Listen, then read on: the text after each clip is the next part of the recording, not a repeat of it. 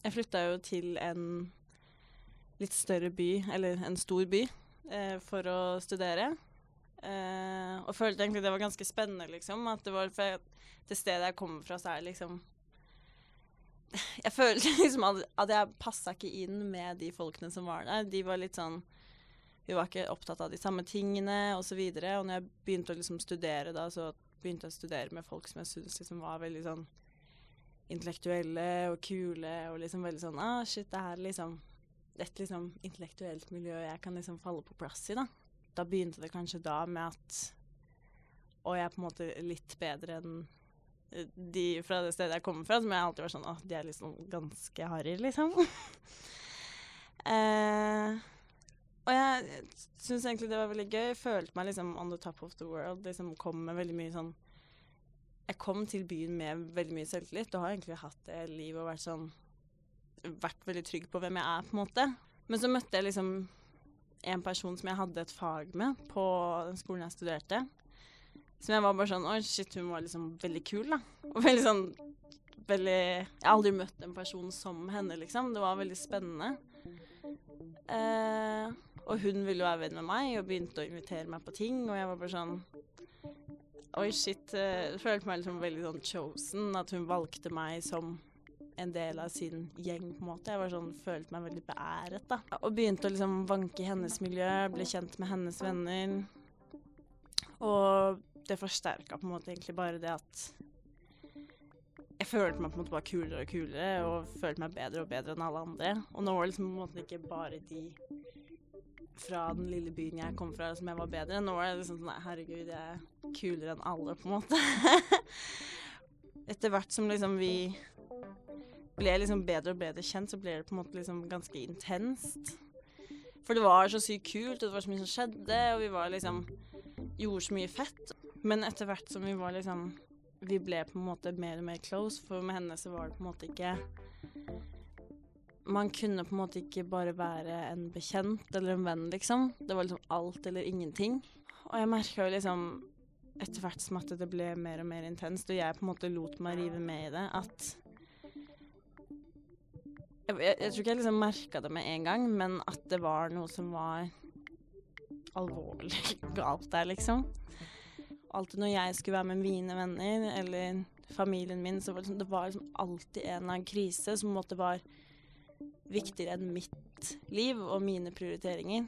Mine følelser var ikke like viktige som hennes, da, opplevde jeg. Eh, og så etter hvert så merka jeg på en måte at det var liksom alltid noe jeg gjorde galt.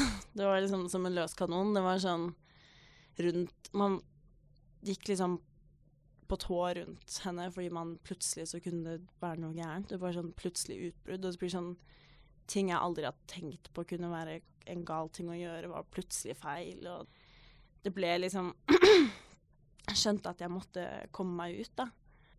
Jeg tror det er veldig annerledes med vennskap enn kjærlighetsforhold, fordi med en kjæreste kan du på en måte Du kan på en måte slå opp, på en måte. Selv om det er veldig vanskelig.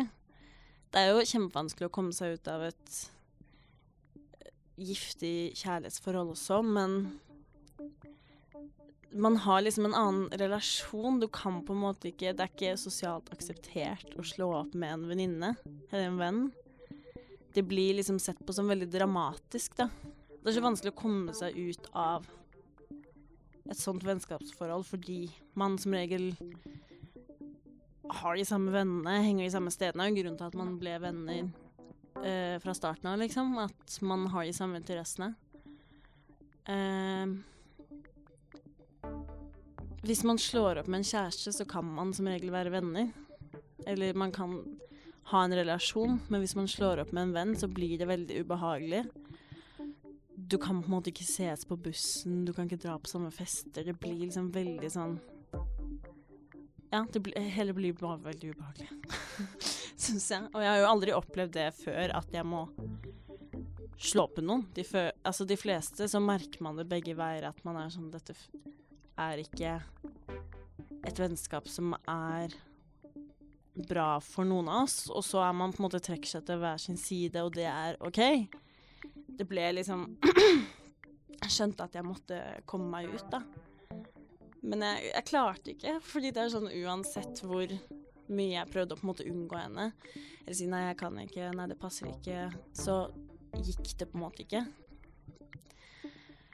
Og jeg ble jo på en måte til en person jeg ikke liker, fordi jeg begynte å lyve til henne for å ikke måtte være med henne, og var veldig sånn Til slutt så var jeg bare med henne fordi jeg visste at jeg kunne bruke henne for hennes kontakter, liksom. Jeg ble jo en forferdelig person. Og eh, svarte ikke på meldingen hennes. Svarte ikke på telefonen hennes. og eh, ghostet henne. Rett og slett. For jeg visste ikke noen annen måte å komme meg ut av det vennskapet på uten at Ja, som sagt, det var alt eller ingenting, da. Um, og hun ble kjempesint og kjempelei seg, som jeg skjønner veldig godt. Um, så jeg skjønner jo at det var veldig sårende. Og jeg føler jo at nå som jeg har landet litt mer, hvis jeg kan kalle det det, kommet litt mer tilbake til jorda igjen, hvor det liksom ikke er høyt der oppe, hvor alle føler seg så sykt awesome, og alle syns hverandre er så kule. Så bare har jeg begynt å sette så sykt pris på mennesker igjen, liksom. Bare sånn ekte folk rundt meg, og ekte venner og ekte relasjoner. At det er bare sånn når folk ikke har på en maske, på en måte. At folk eh, Det blir på en måte ikke så uforutsigbart. Folk er liksom veldig ja, ærlig mot deg, da, og da går det liksom an å snakke om ekte og nære ting. Jeg tror jeg har blitt veldig mye mer ekte. Um, fordi jeg tror at jeg har kommet mer i kontakt med mine egne følelser. At jeg har lært meg på en måte å kjenne på dem og ta dem seriøst. Hei, det her er Fride Nesten Onsdag. Det er som produserer Innblikk. I denne podkasten så får du da et lite innblikk i vanlige folk sine historier rundt identitet eller følelser eller kjærlighet eller sexliv eller, eller generelt hva som kanskje foregår litt inni hodene eh, våre. Musikken den er laga av Ivar Djurhus. Det kommer stadig nye episoder, så Følg gjerne på iTunes eller Spotify. Legg igjen noen stjerner på iTunes, eller en kommentar om du vil. Og følg med videre. Monster.